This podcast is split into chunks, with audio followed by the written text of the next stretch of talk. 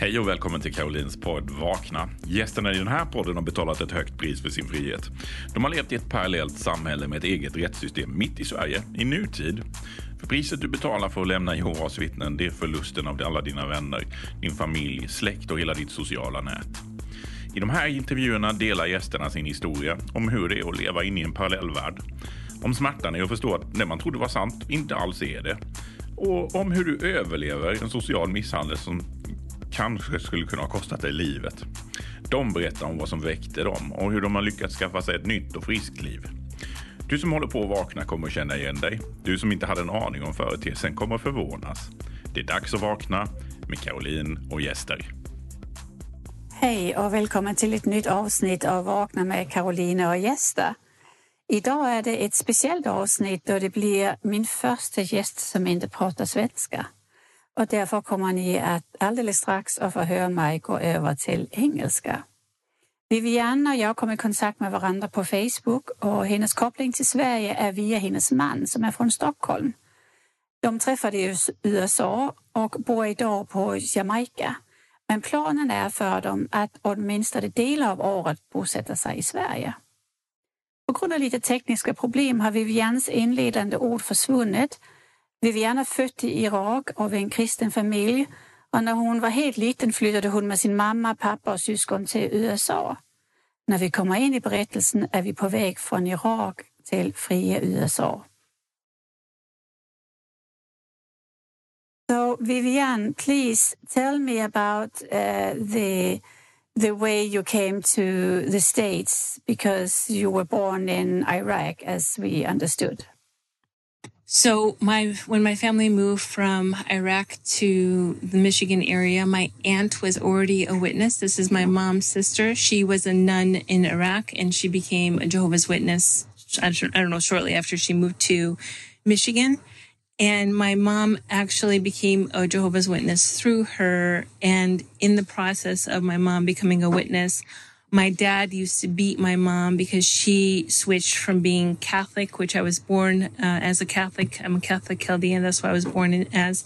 And my mom became a witness. And my dad said, you are not allowed to switch um, religion. It's bringing so much shame to our family. And he used to beat her and he got put in jail a couple of times. So there was a lot of abuse going on at home and in the Jehovah's Witnesses, and I'm sure you're familiar with, if some, if your husband is beating you, it's actually looked as a good thing because that means that you're serving the true God, you're upholding his name, and by continuously going to the kingdom hall and going to the meetings, then my mom becoming becoming a, a pioneer. She was really serving mm. the true God and putting him first and becoming very, very zealous. Yeah, I understand. So it was um it was rough uh, the um, the childhood that you were exposed to. Yes. So there was a lot of abuse going on at home. And then as I was growing up, I have two older sisters, one that's five and a half years older and one that's seven and a half years older they did not become Jehovah's Witnesses, and I was the only, and I was the only one who became a Jehovah's Witness. So my mom and dad, my mom got was 14 and my dad was 32 when they got married. My mom has had a very hard hard life. Um, she was also raising my cousin, and my grandmother was also living with us. So can you imagine a 14 year old girl? having your mom, wow. her mother-in-law living in with you. And then when she moved to America, she was 22. She had four kids and your mother-in-law was raising was living with you. She was taking care of my grandmother bathing her. She just had a tough life. My my mom also grew up on a farm. She had two siblings that passed when they were really young. So i joined the religion because i really felt like I, my mom deserved to have one of her children follow her lead. So my, my older two sisters, they weren't witnesses. They would go to the meetings when we were, they were teenagers, but they were living a very promiscuous in the Jehovah's Witness world where they were having their hmm. boyfriends and they were just doing their own thing. And my dad would, would beat my oldest sister as well. I would see that all the time. And then I was 16 when I got baptized. So I was just trying to be a best little girl. I was trying my hardest not to make anyone angry because my dad had this temper and I didn't know hmm. what was going to set it off. So I just tried to be a good little girl. And then at the Kingdom Hall, we had all the rules so I just tried my hardest to be the best that I could to try to win my mom or dad's love, attention, and that was kind were of you like convinced? Were you convinced in your heart that it was the God's congregation, that it was the truth, or was it just the circumstances that um, helped you to do this, make this decision to get baptized? Yeah, it was 100% the circumstances. And I've said this before in a video of mine, but the Kingdom Hall for me was my safe space because I knew that was a place where my dad wouldn't be, where there was going to be no kind of abuse happening. And I could just Hmm. go to the Kingdom Hall and zone out and just like Yeah.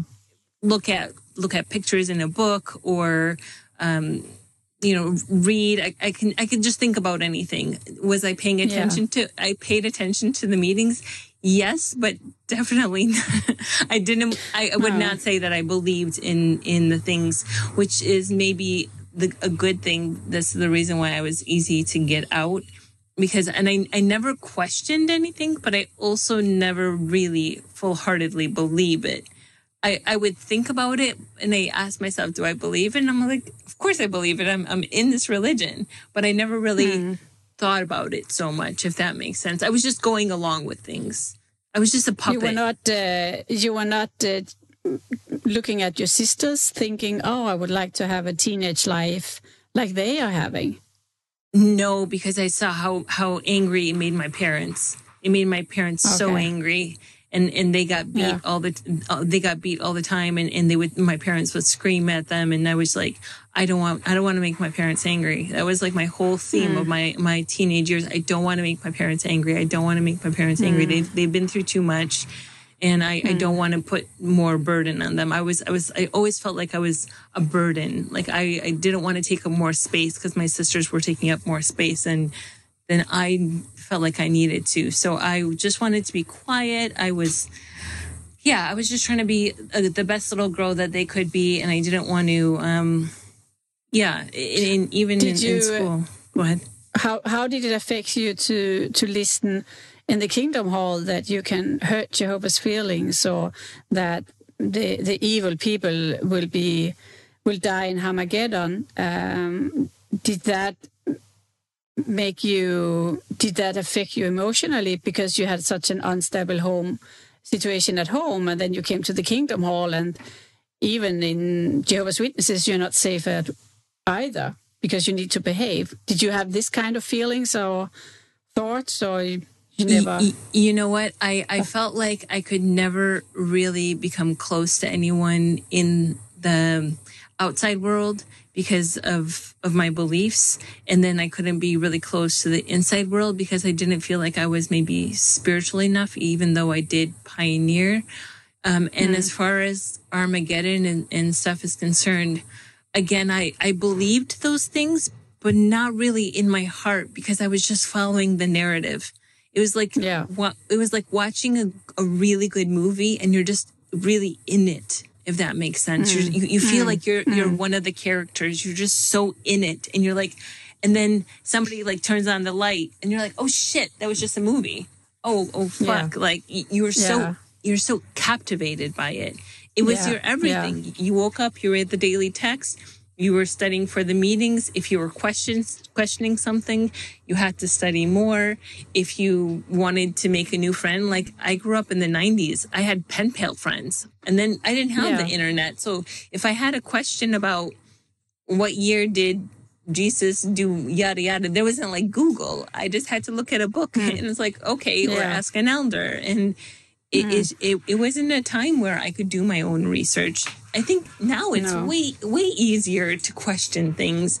And I, I wasn't I wasn't one to question things. I was I was a follower. I was just like following Yeah. along, la la la. I didn't I didn't think mm. for myself.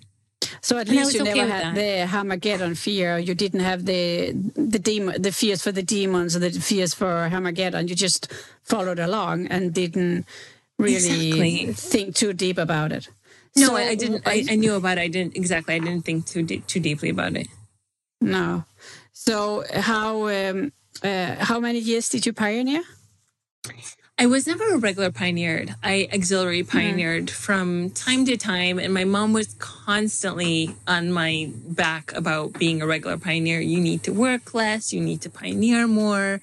You need to put more mm. hours in this in the Kingdom Hall in the service. And my my first husband, she got on me like every time I spoke to her. Why why isn't he a ministerial servant? His father was an mm. elder, and that wasn't really his ultimate goal. Like, sure, he could have been, but it was really bothering him that my mom was so on it. And it, he could have been, like I said, but we were also so young. Like, I got, I was married at 24 and he was 22 when we got married. And sure, there was some ministerial servants, even elders in their 20s, but we were young. It, it was just no. Mm. And, and, and my mom is somebody who, even if you did all the things that she wanted you to do, she's still going to point 10 things that are bad about you. So why aren't you doing okay. this? Why does your hair look like this? Why do you look like, why do you uh, weigh this mm. much? It's always negative. Mm. And she might say one good thing about you. It's, it's, everything is about her. She's 100% a narcissist. Like if you look at the textbook nar- narcissist, this is her. And I have found out through my work that the narcissism in the religion, there's so many people who are narcissist, elders, ministerial servants, because this is perfect scenario for them. This is the only true religion. It makes them feel so mighty and so, so perfect and so awesome. And everyone needs mm-hmm. to come this way because I have all the answers. It's, yeah, it's a religion. And even the, perfect even the religion itself is narcissistic. Absolutely, you cannot question it. Uh, the the ego, the religion ego, is very very strong. Huge. You should never talk bad about it, even if you are disfellowship. You still have exactly. to talk nicely about it, and and keep the reputation polished. Um, exactly. So obviously, actually, we just talked about that today. The narcissistic uh, um, things uh, about the religion yeah. and the people in the religion. Uh, absolutely, yeah. absolutely. So, what happened to you? You uh, you grew up and and uh, you were a, nice witness, and you got married. I understand. I did. So... You know, I, I got married because this this guy that I I met belonged to like all I wanted to do was become this I, I, hated my culture because my culture was just linked to aggressive men, women who were super submissive. So I was in this, in the religion who has submissive women. And then I was in a culture who also had another level of submissiveness for women. So I'm like, I hate my culture. I, I definitely do not want to be associated to a Middle Eastern man. So I married and I, I'm like, I just, my whole body just was craving something calm. So I mm. I married an American guy who had uh, what I thought was a good family. He was very calm, very normal, I guess you can say, very boring. I was like, this is yeah. perfect. This is this is exactly what I want. This is exactly what I need because I am just done dealing with loud drama of my Middle Eastern family. Like I, I want to be as far away as possible from them. So I, I married him when I was 24. He was 22. And the first years of our um, and i also wanted to be away from my father because at this point i wasn't speaking to my dad. There were some things that have happened and he just stopped speaking to me. So um, we got married and when i when we first got married i didn't recognize as much as the years went on but he was extremely extremely insecure and he was extremely jealous. So there was I couldn't have long conversations with girls or guys. Like every single guy I was speaking to, I was flirting with him. And there was, he just, he, he didn't want to do anything. Like we were just hanging out at home all the time. And we would get invited by friends of the Kingdom Hall to different events.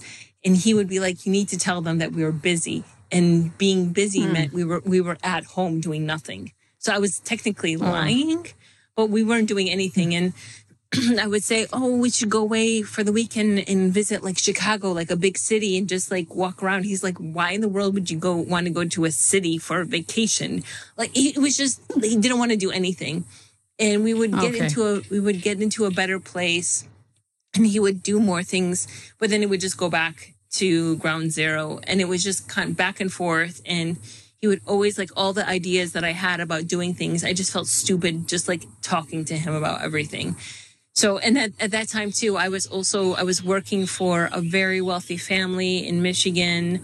I was a nanny, household manager, chef for them. And I was working for them hmm. about 50 hours a week. I was taking the kid to school. I was cooking all their meals and all the meals started, I was really polishing my cooking skills. I started cooking as a as a kid with my mom and as a Middle Eastern woman, she's like that's her livelihood is just cooking all the time and I picked up cooking from my mom. She's the one who taught me and then I implemented that in my job and I was making them dinners all the time every single day and taking care of their very big house. I mean, the, the, the house had seven bathrooms. It was a very, very large wow. home for, for just three people. And I worked for them for six and a half years.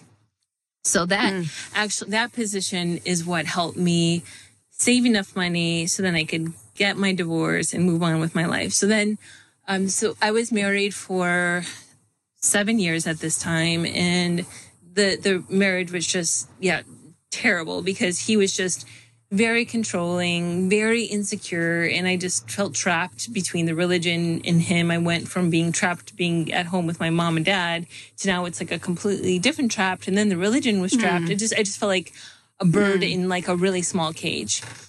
So mm. I, I ended up actually having sex with a guy that I met on a trip. I met the guy um, from when I was going from Michigan to Vegas to visit my sister and we became friends in February. And then we just stayed in contact and we ended up having sex in July of 2011. And the one time we had sex, it was my wake up call to be like, I've been unhappy for so long. I need to get a divorce. I'm, I'm going to get a divorce. And I didn't have the, it wasn't an affair. It was just the one time. And, but I still kept in contact with this guy.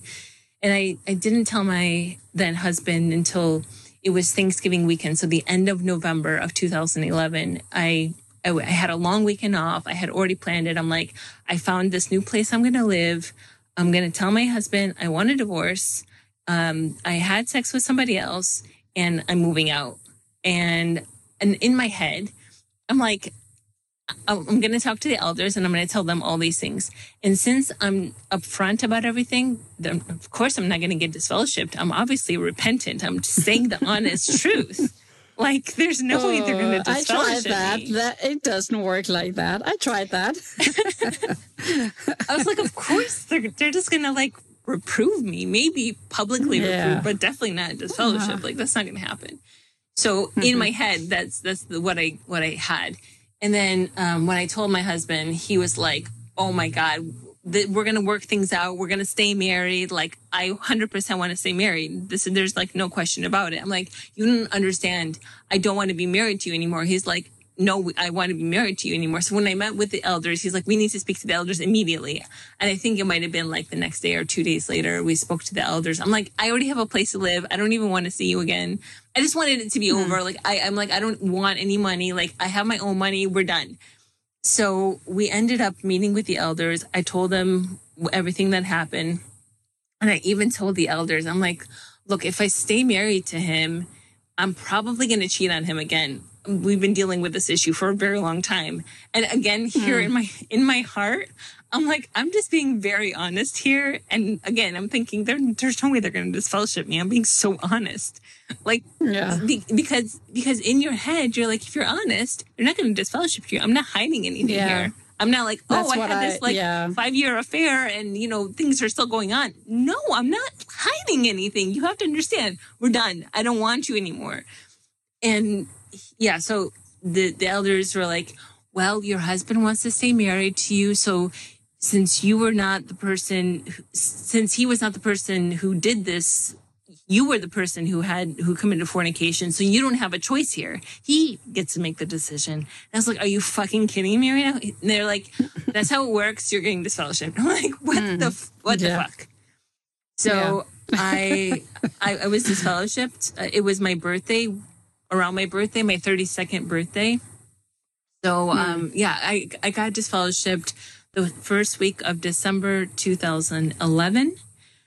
And my mom um, came visiting me in my apartment um, that week, and she said to me, You better get reinstated as soon as possible. You've brought me enough shame just by getting disfellowshipped. You should be ashamed of yourself. And Two, I was I was very open about what had happened to me. So when um, Jehovah's Witnesses asked me what happened, I was like, "Yeah, I had sex with another guy, and I wanted a divorce." Like I was very honest, and all my relatives as well. So I have 39 first cousins from both sides of my parents, and I was just very honest. I'm like, "This is this is what I did. I have no shame. Yeah. I did this. This is what happened. This is the outcome. This is what's going on. Like I, I don't like rumors being spread. I'm like, if I'm honest, again, no one, there's no rumors to spread here. Like this is, this has happened. So hmm. my mom was furious at me that I was very open about the fact that I had sex with somebody else outside of my marriage. How dare you? How, this is so much shame on our name, on our family. It, it was just ridiculous. I'm like, you do know this is my life. I'm an adult woman now. Like, if you feel like my life is shame for you, then go live your life. Like, let me live my life. So I tried to get back in again, trying to be a good little girl that I was from when I was a kid. I, I tried so hard to keep this kind of reputation that I'm going to come back into the to the religion. I miss my mom, even though we had a fucked up relationship. I I missed like in my head we actually had a good relationship, but we did not at all. Like it did not occur to me until years later that she was just like the puppet puppeteer and I was her little puppet. And then I miss. Yeah. I, I was thinking about the the people in the congregation, um, my friends. I mean, I was in the religion from age six to thirty two. It was everything. You know, it was. Yeah. I, I, I was Yeah. all in. I wasn't like this half and half witness. No, no, no. I was. I was dedicated. Yes, All I mean, your I, uh, security, your social security, 100%. and your foundation is in Jehovah's Witness. Yeah. And, and and being a Middle Eastern girl who was growing up as a Jehovah's Witness, my whole family knew me as a, as Vevian, the Jehovah's Witness, and my mom is such a, an, an evangelist in the Arabic speaking congregation in Michigan that I was known as her daughter. So I was known as her daughter, and then I was getting disfellowshipped, and I did all these things. So I was bringing so much shame to my mom, according to to her, and, and whatever. So um, back to being disfellowshipped, she told me you need to get reinstated as soon as possible. And I'm like, of course, mom. Like, what do you think this is going to be? I'm, I'm not here to mess around. I'm going to get, I'm going to get reinstated in six months because I was seeing people getting reinstated in six months with such similar hmm. situations as me in my congregation, in other congregations. I'm like, this is easy. Like, it's going to happen. It's like no joke. So I was continuing going to the meetings, getting ignored, all this other bullshit. And keep on continuing. And actually, what happened is I interviewed for a position in Chicago because I was thinking, like, maybe I should move somewhere to get this like fresh start and where nobody knows me, and then I can get reinstated and I can start a new life there. So Yeah. I inter- interviewed at this agency, um, this uh, like a nanny agency in Chicago, and I said, please don't call my current position. They don't know that I'm looking for new work. Um, they said, oh no, no worries, that's not going to happen. So literally the next couple days, they ended up calling my current position that I was working in, and the mom, she's like, Vevian, are you are you leaving us? Like you've been with us for so long. What's going on? And then it it clicked. Like this is the path out and you need to take it or else it's not going to happen. Because i was comfortable. I was making good money. I had a good schedule. Things were going good. And i'm like i've been with them for over six years. Like this is this is enough so that was my wake up for that position and i was like yeah i actually am i'm, I'm going to be moving to chicago so this was uh, October 15th, 2012. So almost one year after I got disfellowshipped. Um, I moved from Michigan to Chicago. And at this point, I think I had already written two letters to get reinstated, either one or two. I don't remember. So almost, almost one year. And I got rejected both times. And it is kind of the same theme. Like, to be honest, those years were kind of a blur, but I feel like the elders kind of just said that enough time has not gone by and like they needed more time. And in my in the back Yeah, of my head, that's I'm like, exactly what happened. Yeah, that's exactly what happened to me. I tried three times to be reinstated three times. and I, Shit. yeah, and I was just uh, uh, um, neglected, and I I didn't understand what, what why I'm going to all the meetings, I'm behaving, I just want to be reinstated. Uh, and it was just no no meeting, no telephone call, just a letter back. No, it's too early. I said, "What? Too early? It's a go- one year." Um, well, yeah. So I can recognize myself, and even what you said about being honest. While I'm sitting here being honest, and I explain how the marriage is and how the situation is for the children at home. And they just said, no, no, you have to go back to your husband, or if you don't do that, we have to disfellowship you. Uh, so uh, it's so interesting this um, um, this experience because you think one thing when you are Jehovah's Witness. I never thought anybody could be disfellowshipped if they didn't want to. I always no. said, if you don't want to be disfellowshipped, exactly. nobody get disfellowshipped. Yeah. You just, in that case, they will help you. They, yeah, exactly. they will, they, they will support you and they will understand that you have had a crisis or a spiritual problem or whatever. But the, it was exactly the opposite that I actually experienced when I was in that position myself. And then being so hard to be reinstated, I had no idea. I, I didn't know that. So in that case, I will say that a lot of people do not know what kind of religion they actually support because when you are in that situation, what you are heard or what you learn is not what is happening in that situation. Exactly, because you're you're taught at the Kingdom Hall one thing, and then when you're on that yeah. other side in the in the room with the elders it's like a whole nother story. Yeah, yeah it it is it is. So well anyway you tried to be reinstated two times and then you moved to chicago. What happened and, in chicago? And then in chicago i started this what i called project fit nation. So i, I was April of 2012, my divorce became final, and my um, I started this project where I started living with family. So my I started building an Instagram audience. This was I started my Instagram in April 2012 and just posting healthy recipes and a little bit about my life. I talked about my divorce. I talked by then I was not comfortable saying I was a Jehovah's Witness. I said I was in an organized religion and I talked mm. about being in an organized religion and in between all of this, I was sharing, like I said, more um, recipes, and I started building a following on Instagram. And in 2013, I started this project where I lived with families and I created, I helped them create a healthy lifestyle based on what their families' wants and needs are. And in that time, I was traveling back and forth. So I said, just pay for my flight and my accommodations, and I'll help you create this lifestyle, and I'll, I'll support myself through ebooks. So I, I, was creating these e these healthy recipe ebooks that I was selling mm-hmm. online. And in this time, I just in 2013, I lived with 23 or 24 families. So I was I was coming home to to Chicago, and then I was traveling again to live with another family. I was coming home for like a weekend or a week, and then I was traveling. So I was traveling constantly. But when I was home, I was always going to the meetings. So the, the congregation there knew me and I knew they knew my circumstances. So in that time of then again another year, I wrote four, I, I wrote two more letters. So mm. in a hmm. span of two years, I wrote four letters, two in Michigan, I feel, and then two in Chicago. And both of the letters in Chicago were rejected again. And the elders, similar story. It was like not enough time had gone by.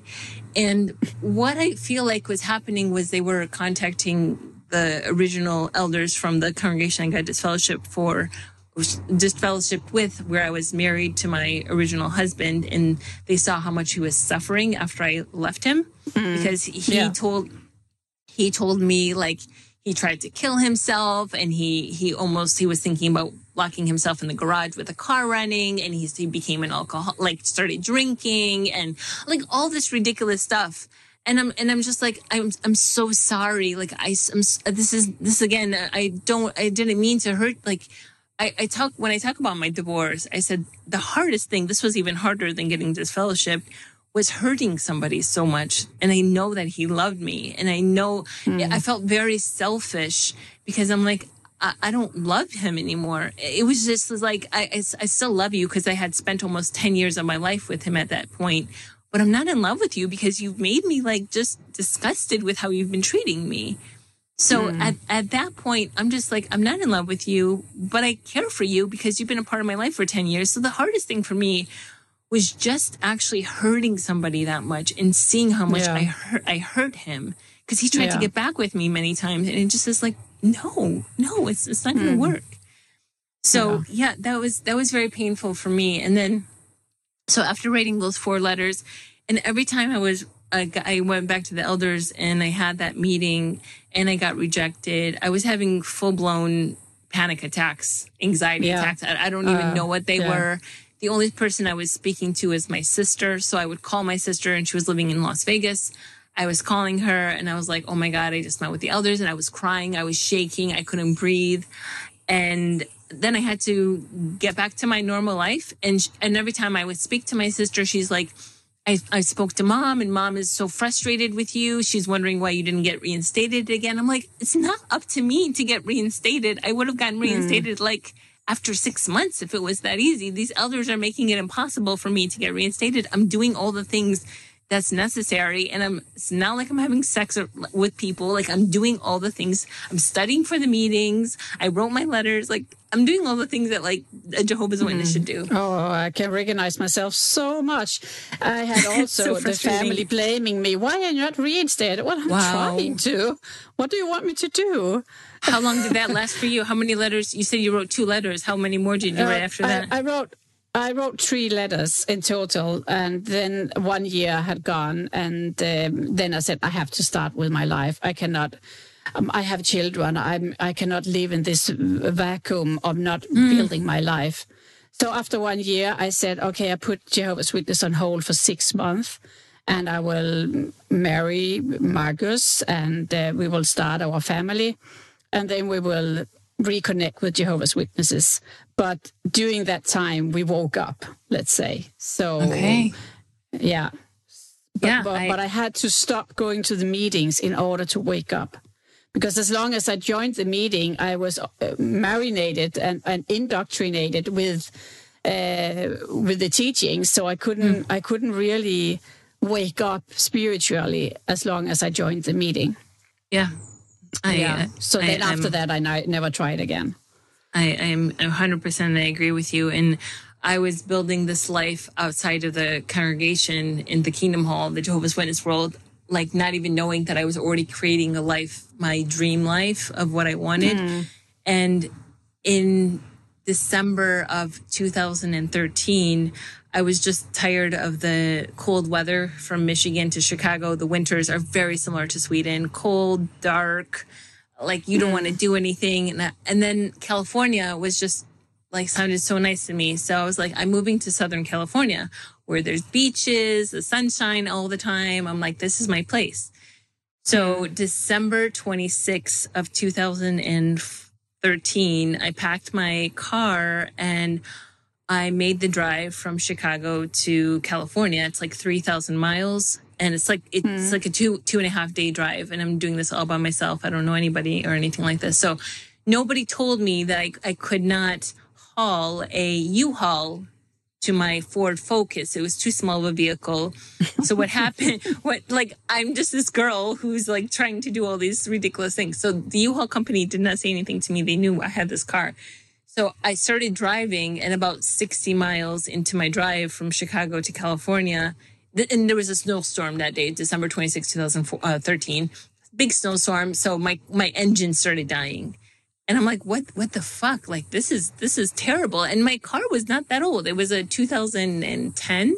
And this was, like I said, December 2013. So it was like three years old. And, but my, my engine died. I was like, oh, hmm. fuck, this is terrible. And my ex husband is an engineer and he worked for Ford. So he was like the only person I knew to contact about all these things. And at this time, I didn't, I hadn't spoke to him in a very long time, but I still had his number. And I was like, you know what? I'm going to call him. And I had to pull my car on the side of the street and I pulled into a Ford dealership, which fortunately there was one and I was like in the middle of who knows where out on the outside of Chicago. And I called him and I said, and I told him the story and he, he's like, it doesn't, you know, it doesn't sound the great, the greatest. It sounds like your engine's dead. And I'm like, yeah, I don't know. And then he was asking me about my personal life and, and he's like, um, so what's going on with you? Like getting reinstated? And I was like, no, I, I wrote all my letters and, and I'm still writing them and it, it looks like it's going to go good. And, and then he's like, oh, that, that's so, I'm so happy for you. And then he goes on to tell me like how he's compared every single girl he's ever dated ever since we got divorced to me. And he knows all the things that he did wrong now. And he hopes he can like be the best version of himself for this new girl and just like on and on about, I'm, I'm like, this is wonderful. I'm so happy for you. So I end the call and he's thinking like, I'm still trying to get back into the, to the religion. And I had then I found out my car was dead. So I had to switch my car to a different car, which was, yeah, I had to pay extra to, to get like a truck to take my stuff to California. So I did that. And then I had like a two day drive from Chicago to California. Like I spent the night in my car one day and another day I was in a hotel. And this gave me so much time to think. So I thought to myself, like, I've been trying for two years to get into this religion why I've never in my life tried so hard to do something and it's this constant rejection. Like, what is it that I'm really doing this for? Who am I doing mm. this for? Do I really yeah. want to do this?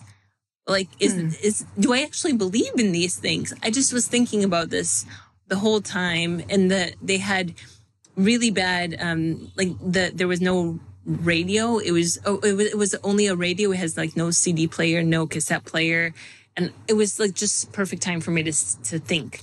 So yeah. I, I just came to this conclusion: like I got baptized to make my mom happy. I have been going to the meetings to make my mom happy. I've been following this religion to make my mom happy and to escape my Middle Eastern house. I was in this religion. Now, now I'm married. Now I have to, now I'm part of it. Now it's my community and my community is my everything. So now I'm kind of stuck.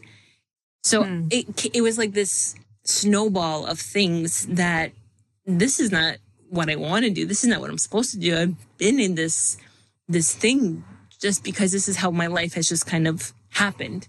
I've never actually hmm. made the, these decisions myself. It just kind of happened. So hmm. then I was like, okay, this is very scary. Now I don't think I want to go back to the Kingdom Hall, but I'm so fucking scared. What is my life going to look like? How am I even supposed to talk to people who are not Jehovah's Witnesses and have like a friendship with worldly people? I'm, I'm terrified at this point because I'm like, if I make the decision, I'm not going to be a witness. What does my life look like outside? It's just me, myself, and I. I don't have a partner.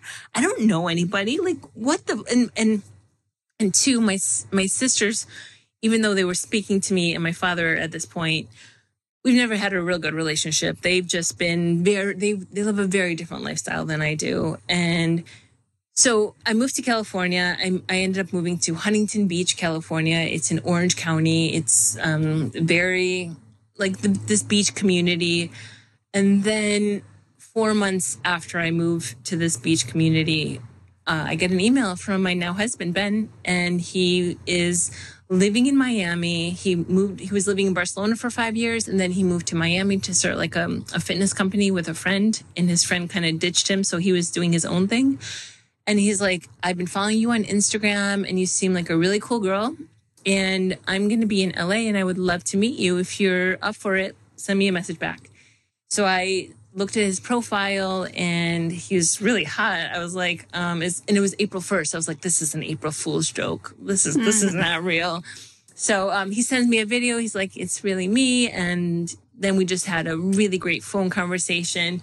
And he was initially following me on Instagram because I had this discount code, like follow me and get 25% off of this protein powder. So he was initially following mm. me hmm. to get this discount off the protein powder.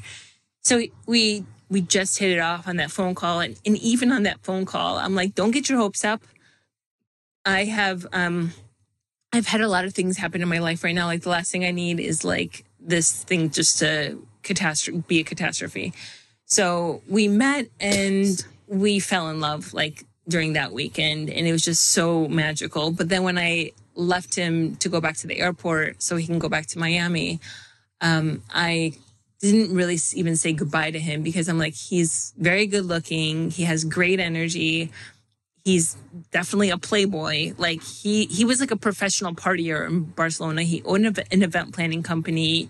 He was the, the life of the party. I'm like, this is, this is not a good mix here. Here I am like this, um, like very, um, ex-religious person, very submissive, uh, ex-Jehovah's Witness, and here's this party animal. Like I was, I felt like this, mm. um, very humble, very quiet, very, and he, like I said, he's like a, a very hyper person. We're, our energies were very different. And I was like, this was a fun weekend. It was great energy, but no. And I'm, a, I was, I constantly felt like this, I it's was very interesting because what happened here is Mm. that you made up with yourself that I'm not going back to Jehovah's Witnesses. Mm. So you kind of loaded off the energy from Jehovah's Witnesses. And now there was a vacuum in your life for the energy that actually fitted you. yes, And so he came into your life as a as you you could not see him feeding you, but yes, obviously I he did. it. Otherwise, he Yeah. would he wouldn't have come into your life. Yeah. But you had to make a decision and put the old religion away, the old you away, and that's just happening in your mind.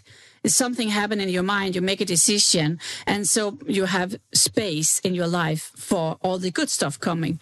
But w- why I'm saying this is that if you want to rebuild your life after Jehovah's Witnesses, you have to put it aside. Because if you don't put it aside, you will never be able to welcome the new and, and wonderful things in your new life. Because you Yeah. went two years, you went two years as disfellowship, but you didn't rebuild your life. You kind of lived with Jehovah's Witnesses, but disfellowshipped. exactly. But in the moment, in, in the moment you say, okay, this is now I'm over it. It's not for me. I'm going Yeah. to rebuild my life. Magic things starts to happen. Yeah, yeah, exactly. And Yeah. then, um, and I met my husband in 2014, and then, Hmm. short, like I said, shortly after that, like we found love, and then we ended up getting engaged three weeks after we met each other. So just like the end of April of 2014, we were engaged, and then in June, just two months after we met each other, we were married. So he, Wow. Congratulations. so we've been married for almost eight years now, and so he we got married quickly because he needed to become a U.S. citizen, and then I also wanted to introduce him to my family um, as my husband because I was 34 at the time, and I was like, I, I we're too old to be dating for a long time, and my cousins were getting married, and I wanted to introduce him as my husband, so it just kind of worked out. My um, my family loved him, and he was like. I still was so holding you, on to my. do you see your, do you have contact with your mother and your So he- so- and, So no, so here's the story. So I I continued to go back to visit my family for 3 years in a row and then I stopped going to visit them because they were just way too toxic. I was having way too much anxiety visiting them. So I went back in 2014, the first year that me and my husband got married. He met my family and he thought that he could um like wake up my mom because he's he's a really good salesperson and he's like this is easy. Like my mom, you're, I'm to make your mom like me, and I'm to wake her up, and you guys are to be like, okay. I'm like, that's it's not. It's not like that. It's not to happen. Like you don't understand the entrenchedness of of the whole situation here. So we he met her, and then in 2015, I went to visit my family by myself because. I was like, my family's too much. Like, I don't want you to have to go through this with me again. I'll just go by myself. Because I try to make an effort to visit my family every summer at that point, and then 2016, um, my my my nephew, my sister's oldest son, got um, graduated from high school. So I I went to visit him then, and that was the last time I visited my family. And that year, my uncle, my aunt's husband, who's an elder in the Arabic congregation for years, decades, he walked me down the aisle from my first wedding. So he's a very much like a father figure to me he came to my my house that I grew up in with the tract. At that time, that summer of 2016, they had just come out with the tract, like "Return to the Flock." It was a Yeah, shepherd. He- yeah. He, was holding a sheep. So my uncle comes with this tract. He gives it to my sister, who then gives it to me. She's like, "Oh, um, Uncle Khoshaba is his name. Khoshaba gave this to give me, give it to you." And I looked at it and I read it and I and I had a, an anxiety attack. I was like, "How fucking dare him walk into this house, not look at me? He was totally not looking at me, not look at me, not even like acknowledge that I'm there. Give this tract to you? Are you fucking kidding?" I was like enraged. I was screaming and I just tore it up and I was like, I, I, I'm just so over this religion. Like, are you fucking kidding me? And I was living in this, oh, well, when I was visiting my family, I was in this house. My mom was ignoring me like I'm a ghost So she would just look at me and just like, no, she, she would completely, if she needed to say something to me, she would say something to my sister, and then my sister would say something to me. So after that experience, so you could actually, you could actually, it's quite of interesting because you had someone in your family graduating, and you were mm -hmm. participating, even uh -huh. though you were disfellowshipped. The this the um, the young person who were graduating were the family there, Jehovah's Witnesses. Um, the the family who was I'm sorry graduating you said? Uh, you, no you my, said it was my, my, yes my my sister's my sister is not a Jehovah's Witness and my nephew is ah, not okay, a Jehovah's so, Witness. okay so okay it's, so they, it's just my mom. Of course invited you but then but then your mother came anyway even though you came your mother came to the graduation party no, I actually was living. So when I, I, I went back to Michigan for a week and my dad, he refuses that we stayed at a hotel or somewhere else. He's like, you're staying in, in your childhood home. So my mom still, mm. my mom and my, my dad are still married. So I had to yeah. see my mom every day. And mm. like, if I, if I was looking for something in the cabinet in the kitchen, she would talk to me, but she wouldn't talk directly to me. She would literally like raise her head to the sky and say, the cup is in the cabinet that cabinet she be pointing. it, it was like that's so okay, ridiculous. Mom, I'm right here, mom. Yeah. like I yeah. and I, I, would I would like joke with her. I'm like, hi, mom, I'm right here. Like I hear you. It was yeah. it was it was so fucking stupid. So after mm. that event, um, my my dad and me, like I said, we always had like a broken relationship. And my my middle sister is the one I had the, the, the most relationship with, but she also became crazy and she just told my parents some horrible things about me that was a complete lie. So I haven't spoken to her since 2018. I tried to mend our relationship back, but she she just is evil to me. And my oldest sister she developed breast cancer um, last early last year in February. So my mom called my husband Ben, and she's like saying to her that, "Oh, can you tell Vevian that her sister has breast cancer?" Uh, so my it, it's it's so it's so fucking stupid because my sisters didn't talk to me, and no one no one talks to me in my family at this point. And I'm like, okay, so I find out from my husband, who found out from my mom, that my sister has breast cancer. So yeah. I had my sister, like she she has such a different lifestyle than me, and I think that she sees me and I'm everything that she could have been. So my oldest sister is married to my first cousin. She kind of was like in this, I'm not going to say forced marriage, but arranged marriage because she was living a promiscuous mm. life. And my family kind of was like, you need to get married to stop the shame that you're causing to the family. So she's married to my first cousin and is very closed off. And she has so much anger and resentment, and I have so much compassion for her. I really do for, for both my sisters who are suffering from immense amount of physical and, and emotional trauma that I know that we all went through together. And I've chosen to live such a different lifestyle than them because I've dedicated the last 10 years of my life to my healing journey and they they have remained a victim and they mm. when when they see somebody who like yourself who has just dedicated themselves to healing they just want to point the hmm. finger and want to call you names and say you're a bad hmm. person and all these things so it, um, hurt, it hurts to see um, other people heal and it, it, it does Mm, yeah, it really does. So, so, as it is today, um, when when you look back to the being disfellowshipped from the congregation, mm. even though you didn't want to, can can you look back and see that wow, that's actually a blessing because yeah, it started I, off. Yeah, I, I, I actually always say what I thought was the worst thing that happened to me was actually the best thing that ever happened to me because I live such a beautiful life now. And I actually work as a coach and I, and I, I just developed this eight week program called Find Your Truth. It's hmm. for mm. ex Jehovah's Witness women to find out who they are outside of the organization. Cause I'm like, mm. I, I've dedicated 30 years of my life to the religion. I need to help people. Like I'm in, I'm in a very good place in my life right now. So why not help women in this way and it, it's just it feels so right to be here 10 years later and uh, I I'm so grateful for all the opportunities that are coming my way but I also have this entire family who, even though it's just my mom and the religion, my whole family has shunned me. And Hmm. the only way I know what they're doing or what they're up to is sometimes my, my brother-in-law, my oldest sister's husband, who's my first cousin, is very good at posting stuff on Facebook. So I, I'll check on his Facebook from time to time.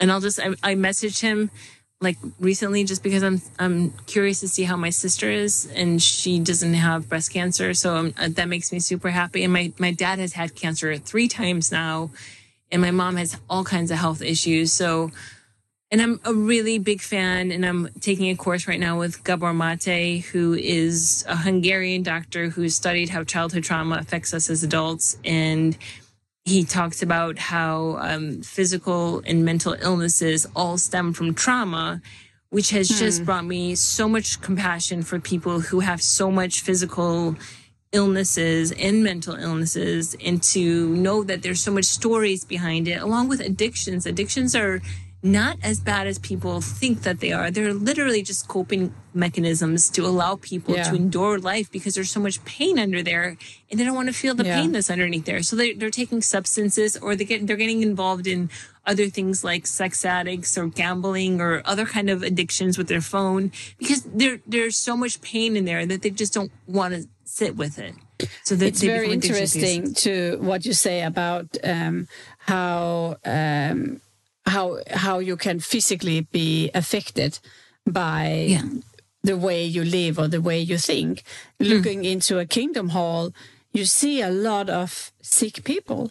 Or they Absolutely. have physical sil- uh, sick, or they uh, suffering from depression or anxiety, uh, or um, are burned out because uh, the the thought patterns in the religion are are tearing you down because uh, it's so so many regulations to live up to and maybe you are, are not able to live your full life as you are you cannot be um, uh, truth to yourself you cannot let your inner self blossom Exactly. I mean, I, I just did a post on Facebook that we had to uphold Jehovah's name. So we had to be these happy people. So then maybe not only in the Kingdom Hall, but outside of the Kingdom Hall. So then maybe we can recruit some people to become one of Jehovah's Witnesses because if we're happy people, people are going to be very interested in us. Hmm. So hmm. the sad and the angry part, these emotions that are very necessary for human existence,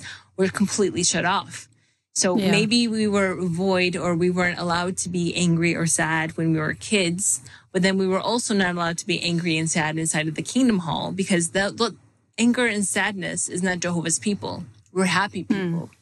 So now we're, yeah. we're, we're grown best up adults. life ever yeah best life ever Exactly, exactly. Best life ever. Yeah. So now we're And adults. Yeah, Yeah, and oftentimes you also feel like if you are in the con- uh, convention and, and they're introducing, aren't we happy to be here, everybody? And if you don't feel happy, you feel like I'm a failure because I don't feel happy, like they say. And, Exactly. and feeling failure all the time can also make you sick. I'm not good enough. I'm not matching the other emotions. I'm not feeling like in the circle. Why I'm not like the other people? Yeah. Exactly, exactly. And and all those is just so crazy. And then we become adults 30, 40, 50, 60 and we've suppressed anger and sadness our whole time because hmm. we're we've been trying to uphold this this standard. And now we're afraid of being sad. And now we're dealing with massive depression, massive anxiety, and we're so afraid of everything because we've never given the space of allowing ourselves to feel. And then the amount of antidepressants and things mm. to numb your feelings is just insane. They're giving this stuff out like candy. People are on two or three a day and they're so mm. out of touch with their emotions, their bodily sensations. They get these emotions and it terrifies them. They end up going to the hospital and then causing bodily more illnesses, chronic fatigue syndrome, IBS, hmm. like hmm. rashes all over your body, migraines. So your body is constantly giving you these signals and then you can't stand it. So then you take more medication, numbing yourself more. Whereas this hmm. doctor It's I like mentioned, your- Gabor, go ahead. Your body is screaming to you. Yeah. Please listen to yourself. I, exactly. I find now on the other side where I a lot of my journey has been reconnecting to myself. Uh, one of the scriptures that I find like very very dangerous is the scripture in the Psalms saying that don't trust your heart because your heart is treacherous. Treacherous, yeah. Yeah, and that is so dangerous because your heart is your guide. If your if your heart tells you this doesn't feel good, I don't want to do this, and you push yourself anyway to do it, or if it is going to the surface or or whatever it is that it doesn't feel good for you, and you push yourself anyway because don't trust yourself, mm. it is it's like sending people into depression by always denying yourself, denying your own emotions, denying how you feel about things. Absolutely. Absolutely. Denying mm. your emotions. And then, like I said, your emotions then become scary. And the doctor that I mentioned earlier, Gabor Mate, he has a book called When the Body Says No. And it's all about how um, these traumas turn into illnesses in our bodies and in, in our mind. And this is not something that's just this woo woo stuff. It's, it's literally true. And a lot mm-hmm. of times when you meet somebody who has cancer or something like that and you get to learn their, their story, it all makes sense. There's nobody yeah. that has this happy life and then they have cancer three times. It just does not add up. That's not how it works. So no.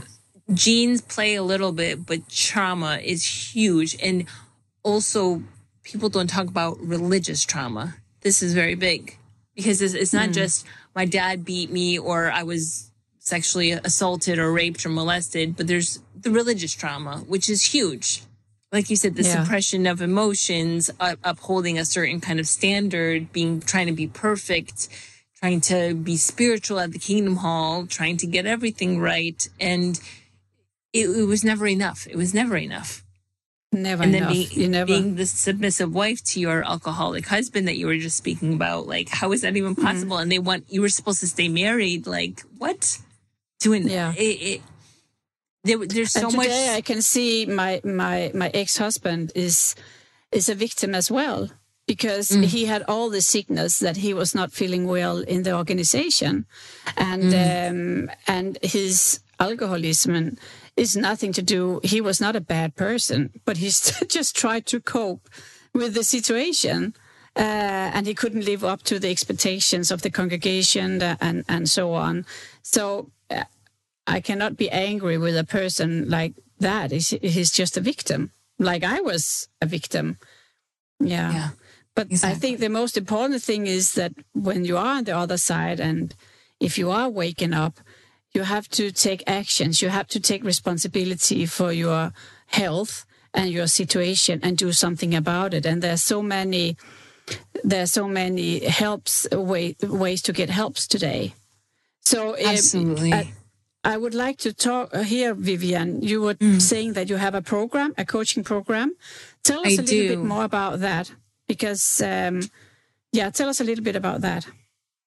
So I've been working as a coach since 2013, 2014, and then women were just opening up to me so much more than just health and wellness that I decided to then call myself, which I absolutely hate, a life coach. But then I, mm. I really felt a need to call myself a trauma informed coach and t- started taking courses with more of a trauma base. And I didn't really feel connected to the ex Jehovah's Witness community because they are very I, I hate to, to say this out loud to you, but I feel that they're very negative. They're very negative. Mm-hmm. They like to be a victim.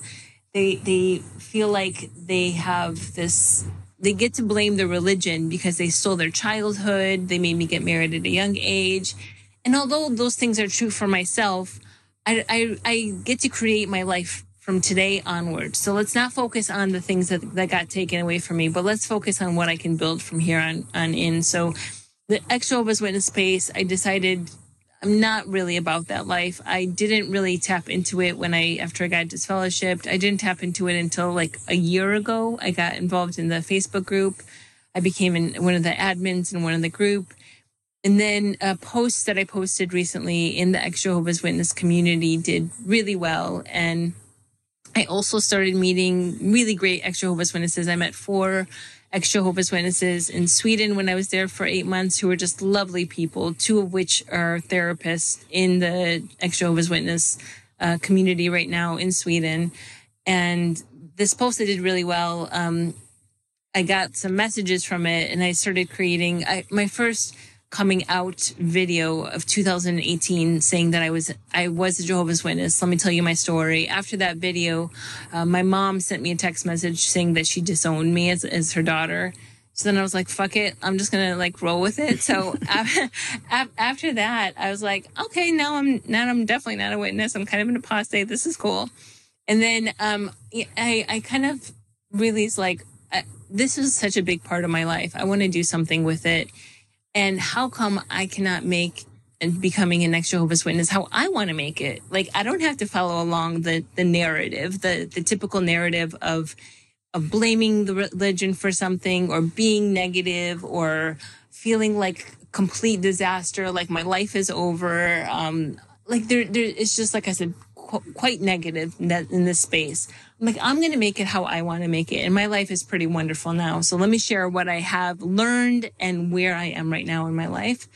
And after this, and I, I was getting responses from clients I've already worked with that are ex Jehovah's Witnesses. And I was like, you know what? I really would like to make uh, an ex um, Jehovah's Witness group. And I was talking to one of the guys I met in Sweden but it didn't really click until I spoke to this American ex Jehovah's Witness. Her name is Wendy, and she has her own YouTube channel.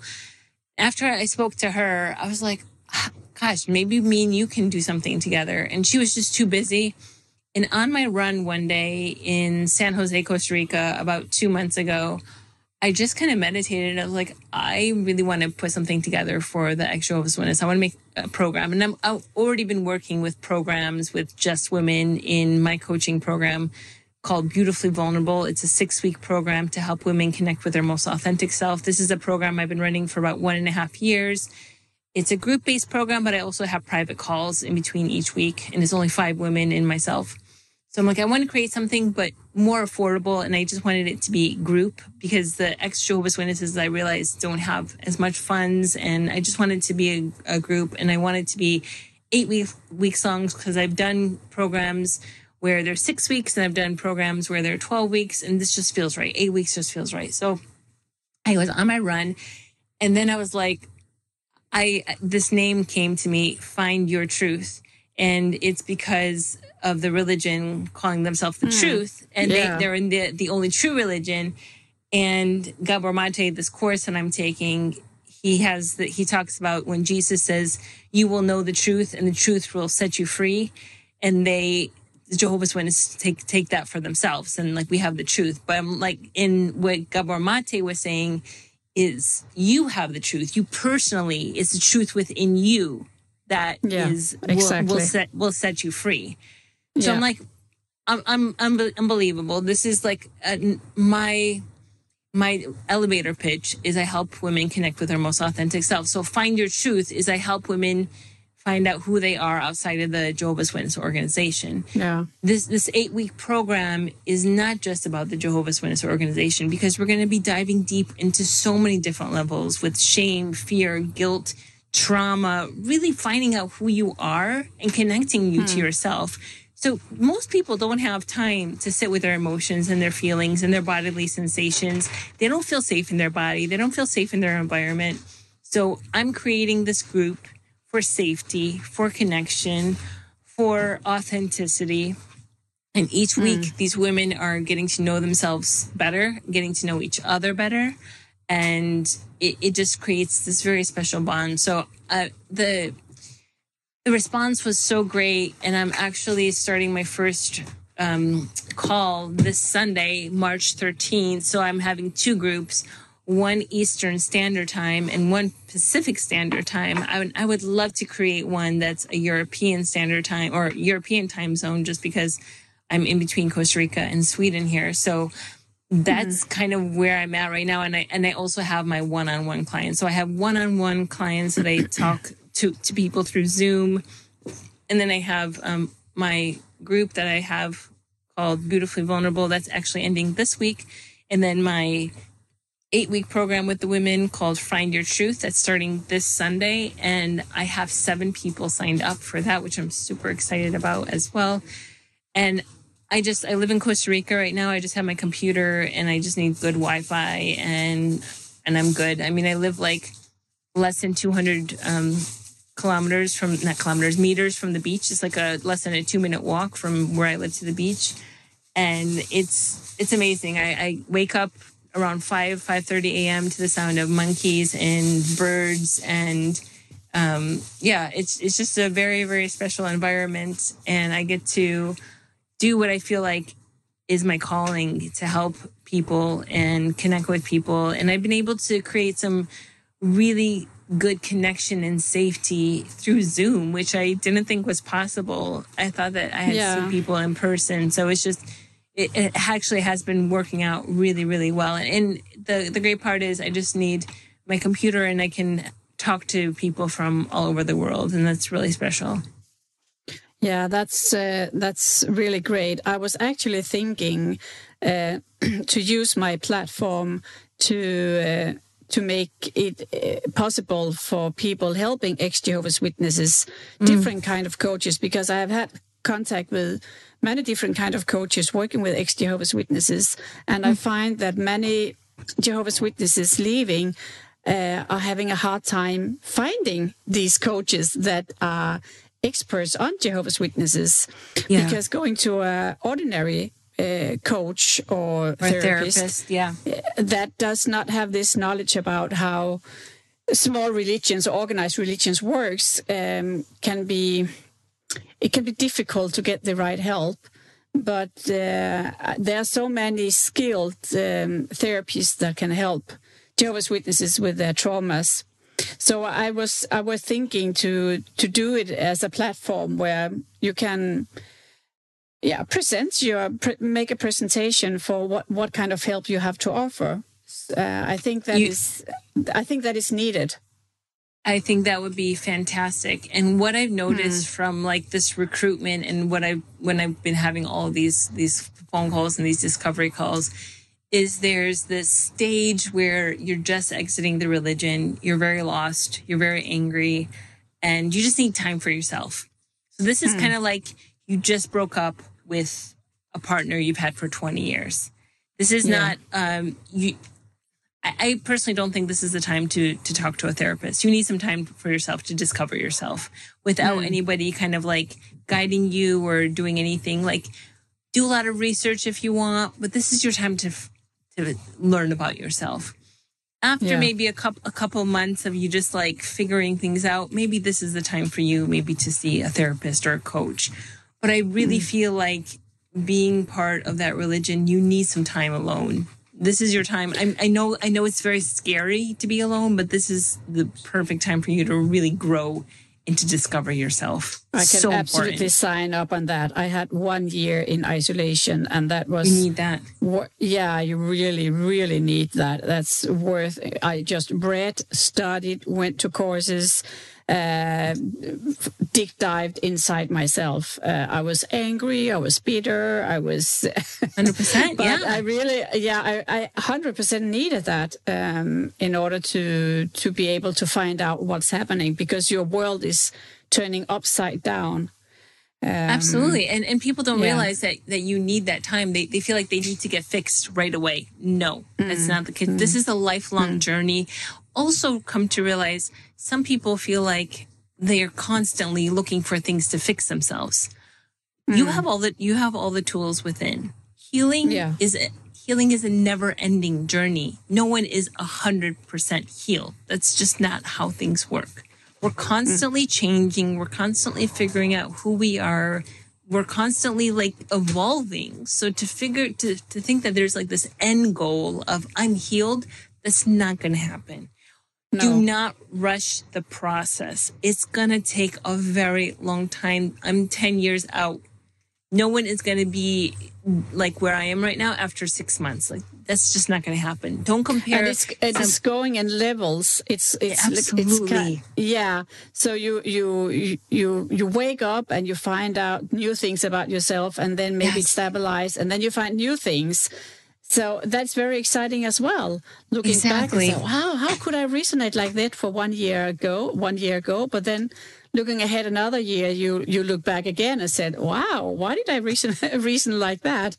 So Exactly. absolutely, it's and, be, uh, and becoming curious about yourself and now you don't have any of these rules to follow so Yeah. letting the idea that you can do whatever you want right now and just follow your heart so if you could do anything right now if you wanted to go back to school if you wanted to start a youtube channel where you're talking about who knows what like all the things you couldn't do being a witness now you get to do those things what, what do you want to do just like ask yourself what do i want to do huh I've And- always wanted to go to school, and now you get to do all those things. And most important, you have the time to do it because you're not occupied with 100%. meetings and service and the whole congregation. You can. uh, Exactly. We managed to start uh, two new companies and develop two new products uh, in less than 12 months uh, after we were fellowship because we had so much time, so much time over not going to meetings and so on and so on. Incredible. So, and I, I think that was also like energizing our energy. Um, there is a lot of there is a lot of energy and tension going on when you are finding yourself, and so we we channeled it into the companies and uh, and the yeah and our products. amazing. So yeah, so it's it's it can be a very very powerful tool to build up something new when you are in this kind of phase. Because Absolutely. if if you channel the energy right, it can be really really constructive and powerful. Exactly. Exactly. Mm. And there, there's so much healing modalities out there from talk therapy to somatic experiencing, body based work, which I try to do both of those to psychedelic therapy to yoga to meditation to dancing. There's so many different type of healing modalities out there. Don't limit yourself to one thing. Now, and what I found also is that everybody is is different. So uh, it's very easy if you find something that really help you. You want to make everybody else doing the same thing, but we are individuals. Just like not everybody fits for Jehovah's Witnesses, not everybody will fit for this kind of healing. Um, so you have to be honest with yourself and, and find the one that uh, harmonizes with, with you and maybe that's not the same as as your neighbor or someone else. But um, I would love to to get some material from you, and I will I will start this platform because even though we are Swedish speaking here, a lot of people are pretty comfortable with the English language, and uh, Yeah. and maybe soon you will join us in Sweden, Vevian. I would, yes, I would love that. Maybe I can come and Yeah. actually meet you when I come back to so Sweden. Yeah, yeah. So you your plan is to to move to Sweden? Yeah. So once I become, um, they declare me as a permanent resident, uh, we'll come back to Sweden and we will have a home, and that will be my home base, and we can travel back and forth when when we decide if it's too dark in the wintertime. But that's Yeah. my that's my plan. I want um, Sweden for me feels more home than any place I've ever been in my life with the people and everything. So nature there is absolutely it's the summer. It's like the best place to be in the world in the summertime. so so Mm, it's nice. really I nice. absolutely love it. So I'm I'm so looking forward to it. Vevian, um, before we end this, um, I know that there are a lot of Jehovah's Witnesses listening to this uh, this podcast. Do you have anything recommendation you want to tell? Because the Jehovah's Witnesses listening to this podcast are obviously people who are about to wake up. Maybe they are PMOs, as we call them, physically and mentally out. Do you have some kind of recommendation to tell them, some wise word from you? Yes. Have a lot of self compassion and be kind to yourself. You were in this for, I don't know, years, maybe decades, maybe your whole life. It's going to take some time and, and allow yourself to feel shame, fear, guilt, all of those just things. Know that these things are going to pass. You're going to be able to work through them. It's a process. It's a journey. Don't try to rush things. Just become curious about yourself. This underlying belief of, I'm sorry, not underlying belief. I should say this underlying curiosity, curiosity about who you are and exploring all the things that you want to do and do those things. Don't be afraid anymore. The more you walk into fear, the the smaller fear fear will be. Also, when you step into the person that you're meant to be, the religion will feel very, very small, like a little ant that you can step on. But when you're hmm. constantly going on the website, seeing what the Jehovah's Witnesses, the new the new light, as they say, and constantly reading up on all the literature, going to the YouTubes when you're really still kind of in it, the religion feels very big. Oh, there are eight million people. Oh, da da da. Like they seem so big, and you seem very small. But when you don't care about them anymore and you're just doing your thing, they're going to feel very small and you're going to feel very big. So I encourage you, if you're a person who's constantly trying to figure out um, all the latest and greatest, ask yourself, why are you doing those things? Yeah, that's, that's that was very, very wise words uh, to end off this conversation.